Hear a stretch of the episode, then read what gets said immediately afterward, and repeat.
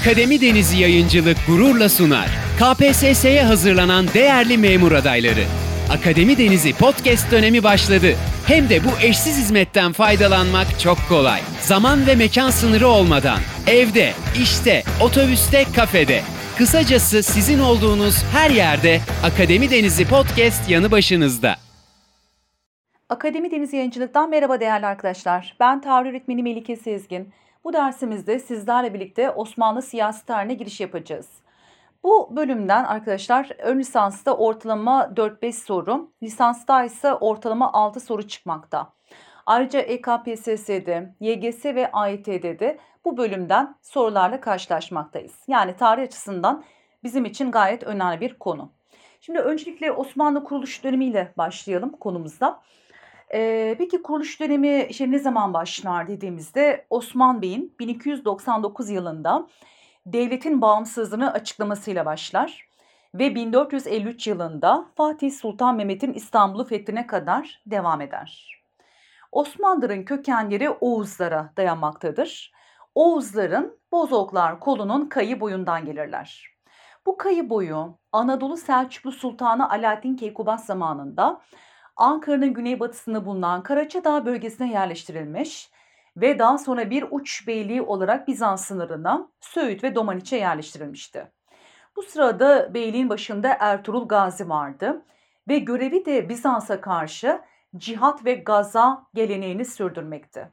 Ama Ertuğrul Gazi'nin 1281'de ölmesiyle beraber yerini oğlu Osman Bey aldı ve Osman Bey 1299 yılında Anadolu Selçuklu Devleti'nin içinde bulunduğu otorite boşluğundan yararlanarak kendi bağımsızlığını ilan etti. Ama Osman Bey'in devletin bağımsızlığını açıklamasına rağmen arkadaşlar bu devlet ilk kurulduğu yıllarda tam bağımsız bir devlet değildi. Vasal yani bağlı bir devletti. Peki kimlere bağlı olarak kuruldu dersek 1308 yılına kadar Anadolu Selçuklu Devleti'ne ve 1336 yılına kadar da Moğol İlhanlara vassal olarak yaşayan bir devlettir. Ne zaman ileride 1308'de Anadolu Selçuklu Devleti yıkıldı ve ardından 1336'da Anadolu'da işgalci güç olan İlhanlılar Anadolu'dan çekildiler ve işte o zaman tam bağımsız bir devlet haline gelmeyi başardılar diyoruz.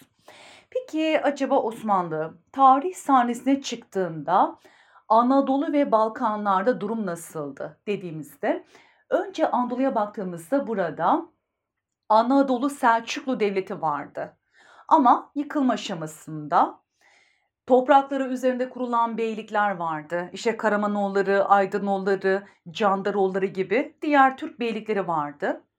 Güney Marmara'da Bursa, İznik, İzmit ve tabi İstanbul'da Bizans vardı.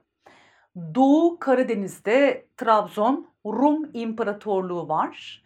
Bir de ayrıca Anadolu'yu işgal eden ve burada işgalci güç olarak bulunan Moğol yani İlhanlar vardı. Bu da bize neyi gösterir? Yani Osmanlı ilk kurulduğu yıllarda Anadolu'da güçlü bir siyasi otorite yoktu. Peki Avrupa'ya, Balkanlara geldiğimizde durum nasıldı? Şimdi Balkanlara baktığımızda burada feodalite yani derebelik dediğimiz rejim vardı. Küçük küçük feodal krallıklar var. İşte Bulgarlar, Sırplar, Arnavutlar gibi feodal devletler, zayıf krallıklar vardı. Bir de bunlar arasında devamlı siyasi ve dini çekişmeler vardı. Mezhep kavgaları vardı. Ayrıca Bizans'ın da az bir miktarda Balkanlarda toprağı bulunmaktaydı. Yani Avrupa'da bir siyasi bölünmüşlük var ve bu da Osmanlı Devleti'nin işine geldi. Yani sonuç olarak şöyle diyebiliriz Osmanlı ilk kurulduğu yıllarda gerek Anadolu'da gerekse Balkanlarda güçlü bir siyasi otorite yoktu. Peki acaba Osmanlı Devleti'nin kısa sürede güçlenmesine, büyümesine yol açan etken ve politikalar nelerdi? İşte Anadolu'da kurulan başka beylikler de var. İşte Köseda Savaşı'ndan sonra Anadolu'da Türk siyasi birliği bozulmuş ve bir takım beylikler ortaya çıkmıştı. İşte Karamanoğulları, işte Germiyanoğulları, Hamitoğulları gibi başka beylikler de vardı. Ve bunların içerisinde en küçük, en güçsüz olanı Osmanlı Beyliği'ydi. Peki acaba diğer beyliklerden farkı neydi ki? Ötekilerden daha küçük ve daha zayıf iken kısa zamanda büyüdü, güçlendi. Hatta diğer bütün beylikleri kendine katmayı başararak büyük bir devlet haline gelmeyi başardı. Peki buna yol açan etken ve politikalar nelerdir dediğimizde en başta arkadaşlar beyliğin coğrafi konumu diyoruz. Yani burada coğrafi konum derken iki şeyi kastediyorum. Bunlardan birisi Bizans'ın güçsüz olması, diğeri de topraklarının verimliliği. Peki Osmanlılar nerede kuruldular demiştik? Bizans sınırında kurulan bir uç beyliği. Ayrıca Osmanlı bu dönemde cihat ve gaza düşüncesiyle yayılma politikası izlemekteydi. Ve önünde de yayılabileceği bir alan var o da Bizans. Belki de bu dönemde Bizans güçlü olsaydı Osmanlı Devleti büyüme ve yayılma imkanını bulamayacaktı. Yani coğrafi olarak çok şanslı bir yerde bulunmakta. Ve bu dönemde bu nedenle öncelikle yönünü nereye verecek arkadaşlar? Özellikle kurulduğu ilk yıllarda batı yönünde bir fetih politikası izledi. Yani diğer bir etken planlı bir şekilde batıya açılma politikası izlemesidir. E, batısında Bizans var ve bu dönemde Bizans'ın zayıf güçsüz olmasından faydalanmış ve önceliği batıya vermiştir. Peki daha öteye e, Avrupa'ya gittiğimizde ortada güçlü devletler yok demiştik. Avrupa'da derebeylikler var, feodal sistemi. Küçük küçük zayıf merkezi krallıklar vardı ve bu nedenle Osmanlı çok akıllıca davranıyor ve önceliği batıya verdi. Yani cihat politikası yaptı. Peki acaba önceliği batıya değil doğuya verseydi başarılı olabilir miydi? Şimdi Anadolu'da kimler vardı doğuda? Beylikler var dedik. İşte Karamanoğulları, Candaroğulları vesaire. Bunların içerisinde en küçüğü, en güçsüzü Osmanlı'ydı. Ve direkt onlarla savaş yapmaya kalksaydı başarılı olamazdı. Ve bu nedenle çok akıllıca davranıyor ve önceliği batıya veriyor. Oysa diğer Anadolu beyliklerinin her biri savaş halinde, birbiriyle mücadele halindeydiler. Çünkü kendilerini Anadolu Selçuklu Devleti'nin mirasçısı yani varisi olarak görüyor ve onun sahip olduğu toprakları yani Anadolu'yu ele geçirmek istiyorlardı. Ve bu neden aralarında devamlı savaşlar, mücadeleler vardı. Peki bu savaşlar onları ne yapar? E, onları zayıflatıyor, yıpratıyor. Peki onlar zayıflarken bu sırada Osmanlı ne yapıyor? Batıda cihat yapıyor ve sınırlarını hızla genişletmeye devam ediyordu. Aslında Osmanlı'nın amacı da aynı. Yani o da diğerleri gibi Anadolu'yu ele geçirmek, buraya sahip olmak istiyordu. Ama çok akıllıca davrandı ve diğer beyliklere ne diyor? İşte benim Anadolu'da gözüm yok. Ben batıya açılacağım, cihat yapacağım diye bir inanç yarattı. Böylece hem diğer beyliklerin e, desteğini, sempatisini kazanmış oldu hem de büyümesi için zaman kazandı. Ve onlar işte savaşlarla zayıflarken Osmanlı batıda cihat yapmaya, hızla büyümeye devam ediyor. Sınırlarını genişletiyor, genişletiyor ve büyüdükten sonra artık yönünü nereye çevirecek? Doğu. Ve hepsinin işini bitirecek. Yani diğer beylikleri artık kendine katmayı başaracak. Yani bu çok akıllıca bir siyaset. Yani önceliği batıya vermiş olması. Bu da bize aynı zamanda neyi gösterir dersek yani beyliği yönetenlerin ne kadar akıllı ve zeki olduklarını gösteriyor. O zaman arkadaşlar bir diğer neden de budur. İşte beyliği yönetenlerin ileri görüşlülüğü diyoruz. Ee, bir de aynı zamanda dinsel hoşgörü ve adalet politikası vardır. Hoşgörü derken yani istimalet politikası. Osmanlı için yayılmak o kadar önemli değildir. Asıl önemli olan ele geçirilen toprakları elde tutabilmektir. Ve bu nedenle Osmanlı Devleti fethettiği yerlerde yaşayan Hristiyanlara hoşgörüyle davranmış. Onları dini inanışlarında, işte ibadetlerinde, kiliseye gitmelerinde özgür bırakmış.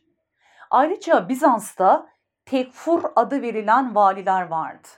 Ve bu tekfurlar Bizans valileri halka baskı ve zulüm yapmışlar. Halktan zorla ağır vergiler toplamışlardı. Ama şimdi halk bakıyor ki Osmanlı kendisi Hristiyan olmadığı halde herkese çok iyi davranıyor. Ve herkesten gelirine göre adaletli bir şekilde vergi topluyor. Ve bu da onların Osmanlı'ya karşı bir sevgi, sempati duymalarını sağlamış. Ve Osmanlı ele geçirdiği yerlerde kolay hakimiyet kurmasını sağladı, varlığını güçlendirdi. Hatta bir dönem var arkadaşlar ileride bahsedeceğiz. E, Fetret devri. İşte Ankara Savaşı'ndan sonra bir dağılma dönemi yaşayacak Osmanlı. 11 yıl devam eden bir süreç.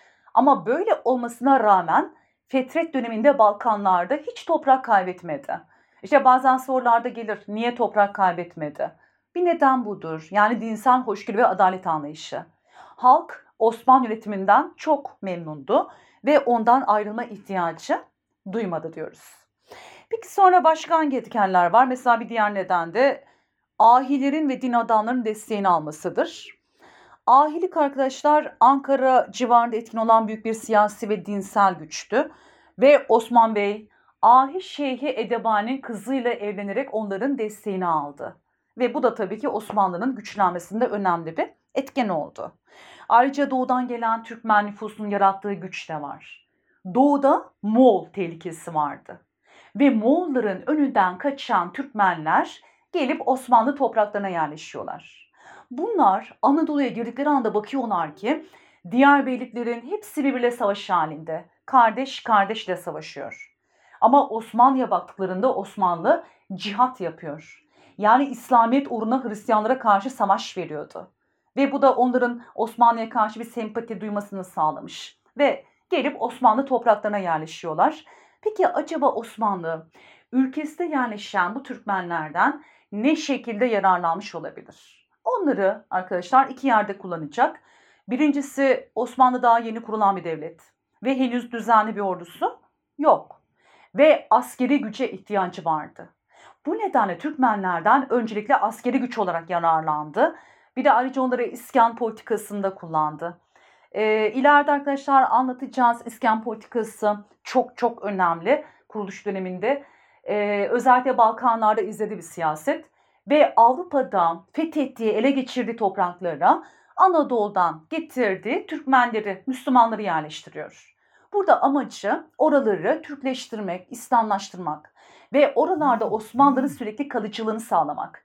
Yani oralarda varlığını ve hakimiyetini güçlendirmek istiyordu. Ve bu da tabii ki e, Osmanlı'nın özellikle Balkanlarda e, hakimiyetinin varlığını güçlendirmesinde, onun büyümesinde tabii ki önemli etkenlerden birisidir diyoruz. Bir de merkezi devlet anlayışı var. Yani iktidarın tek bir merkezde toplanmış olması. Peki daha önceki Türk devletlerinde nasıl bir anlayış vardı? Hemen hatırlayalım. Ülkenin hanedanın ortak malı olduğu anlayışı vardı. Ve bu da onlarda sık sık tat kavgalarına yol açar ve yıkılışlarını hızlandıran önemli etkenlerden birisi olurdu. Ama şimdi Osmanlılara baktığımızda onlarda ülkenin bölünemeyeceği anlayışı vardır. Ve ülke sadece tek bir kişi padişah tarafından yönetilirdi. Ve onların güçlü bir merkeziyetçi otoriteye sahip olması, merkeziyetçi bir yapıya sahip olması tabii ki bunda önemli bir rol oynadı. Ve arkadaşlar bütün bu saydığımız etkenler bir araya geldiğinde Osmanlı kısa zamanda büyüdü, güçlendi ve büyük bir devlet haline gelmeyi başardı diyoruz.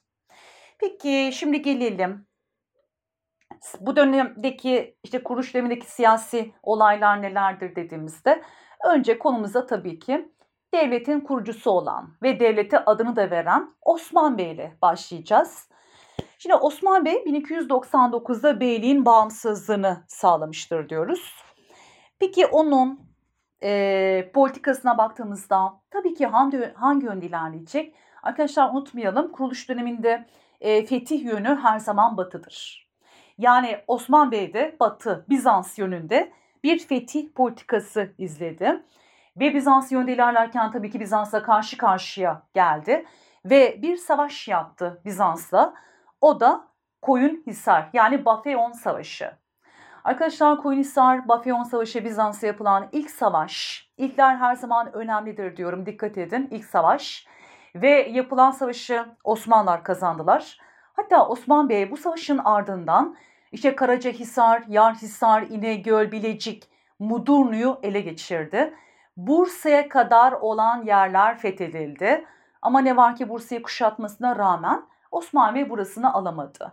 Peki Bursa'yı kim alacak dersek Bursa'yı arkadaşlar göreceğiz. Oğlu Orhan Bey alacak ve burasını devletin başkenti yapacaktır. Bir de Osman Bey zamanının bir özelliği de arkadaşlar o da e, ilk Osmanlı parasını bastırdı. Bu da bakır paraydı. Peki para bastırmak neyin göstergesi? Tabii ki devletin varlığını ve bağımsızlığının göstergesidir diyoruz. Hükümdarlık alametlerinden birisiydi ve dolayısıyla kurucu olarak da karşımıza Osman Bey çıkmakta. Sonra Osman Bey ölünce yerine arkadaşlar oğlu Orhan Bey geçti. Orhan Bey zamanında Osmanlılar tam olarak beylik aşamasından devlet aşamasına gelmeyi başardılar. Yani tam olarak bir devlet olmayı onun zamanda başarmışlar. Bunun iki kanıtı vardır arkadaşlar. Birinci kanıtı ilk devlet örgütlenmesini Orhan Bey yapmıştır. İkincisi de bu dönemde Osmanlıların Moğollara yani İlhanlar olan bağımlılığı sona ermiştir. Yani tam bağımsız bir devlet olmayı başarmışlardır. Peki şimdi Orhan Bey'in politikasına baktığımızda o da yine tabii ki Batı Bizans yönünde bir ilerleme politikası izleyecek. Öncelikle babasının alamadığı işte bir yer var demiştik Bizans'tan. Bursa'yı aldı ve burasına devletin başkenti yaptı Orhan Bey. Ve o da yine Bizans'la bir savaş yaptı. Orhan Bey zamanında Bizans'la Pelekanon yani Maltepe Savaşı gerçekleşti. Ve yapılan savaşı yine Osmanlılar kazandılar. Hatta bu savaşın ardından İznik ve ardından İzmit ele geçirildi. Peki Bizans'ın zaten Anadolu'da nerede toprağı var demiştik? Güney Marmara, Bursa, İznik ve İzmit'te egemenliği vardı. Ama şimdi Orhan Bey bunların hepsini ele geçirdi. Evet bir de arkadaşlar bir çok önemli gelişme var Orhan Bey dönemine ait olan. İlk defa bir Türk beyliği Osmanlı topraklarına katılacak onun zamanında. Yani Anadolu Türk Siyasi Birliği çalışmalarını başlattı Orhan Bey. Ve ilk alınan beylik Karesi Beyliği'dir. Karesioğulları Balıkesir'de kurulan bir Türk beyliğiydi. Peki şimdi Karesi Beyliğin alınmasının işte önemi nedir dediğimizde sorularda gelir karşımıza. Aklımıza iki tane şey gelecek arkadaşlar burada. Bir tanesi bilmemiz gereken, demin de söylediğim gibi, Karasioğulların alınmasıyla Anadolu Türk Siyasi Birliği'ne ilk adım atılmıştır. İkincisi de bu gelişme Osmanlıların Rumeli'ye geçişini kolaylaştırdı. Peki Rumeli'ye geçiş nasıl kolaylaşacak dersek? Peki bu beylik nerede kuruldu dedik? Balıkesir'de kurulan denizci bir Türk beyliği ve kendine ait bir donanması vardı. Ama Osmanlılar daha yeni kurulan bir devlet, bir kara devleti ve henüz bir donanmaya sahip değildi. Fakat Karasioğullarını almakla beraber Osmanlılar ilk defa bir deniz gücüne sahip oldular.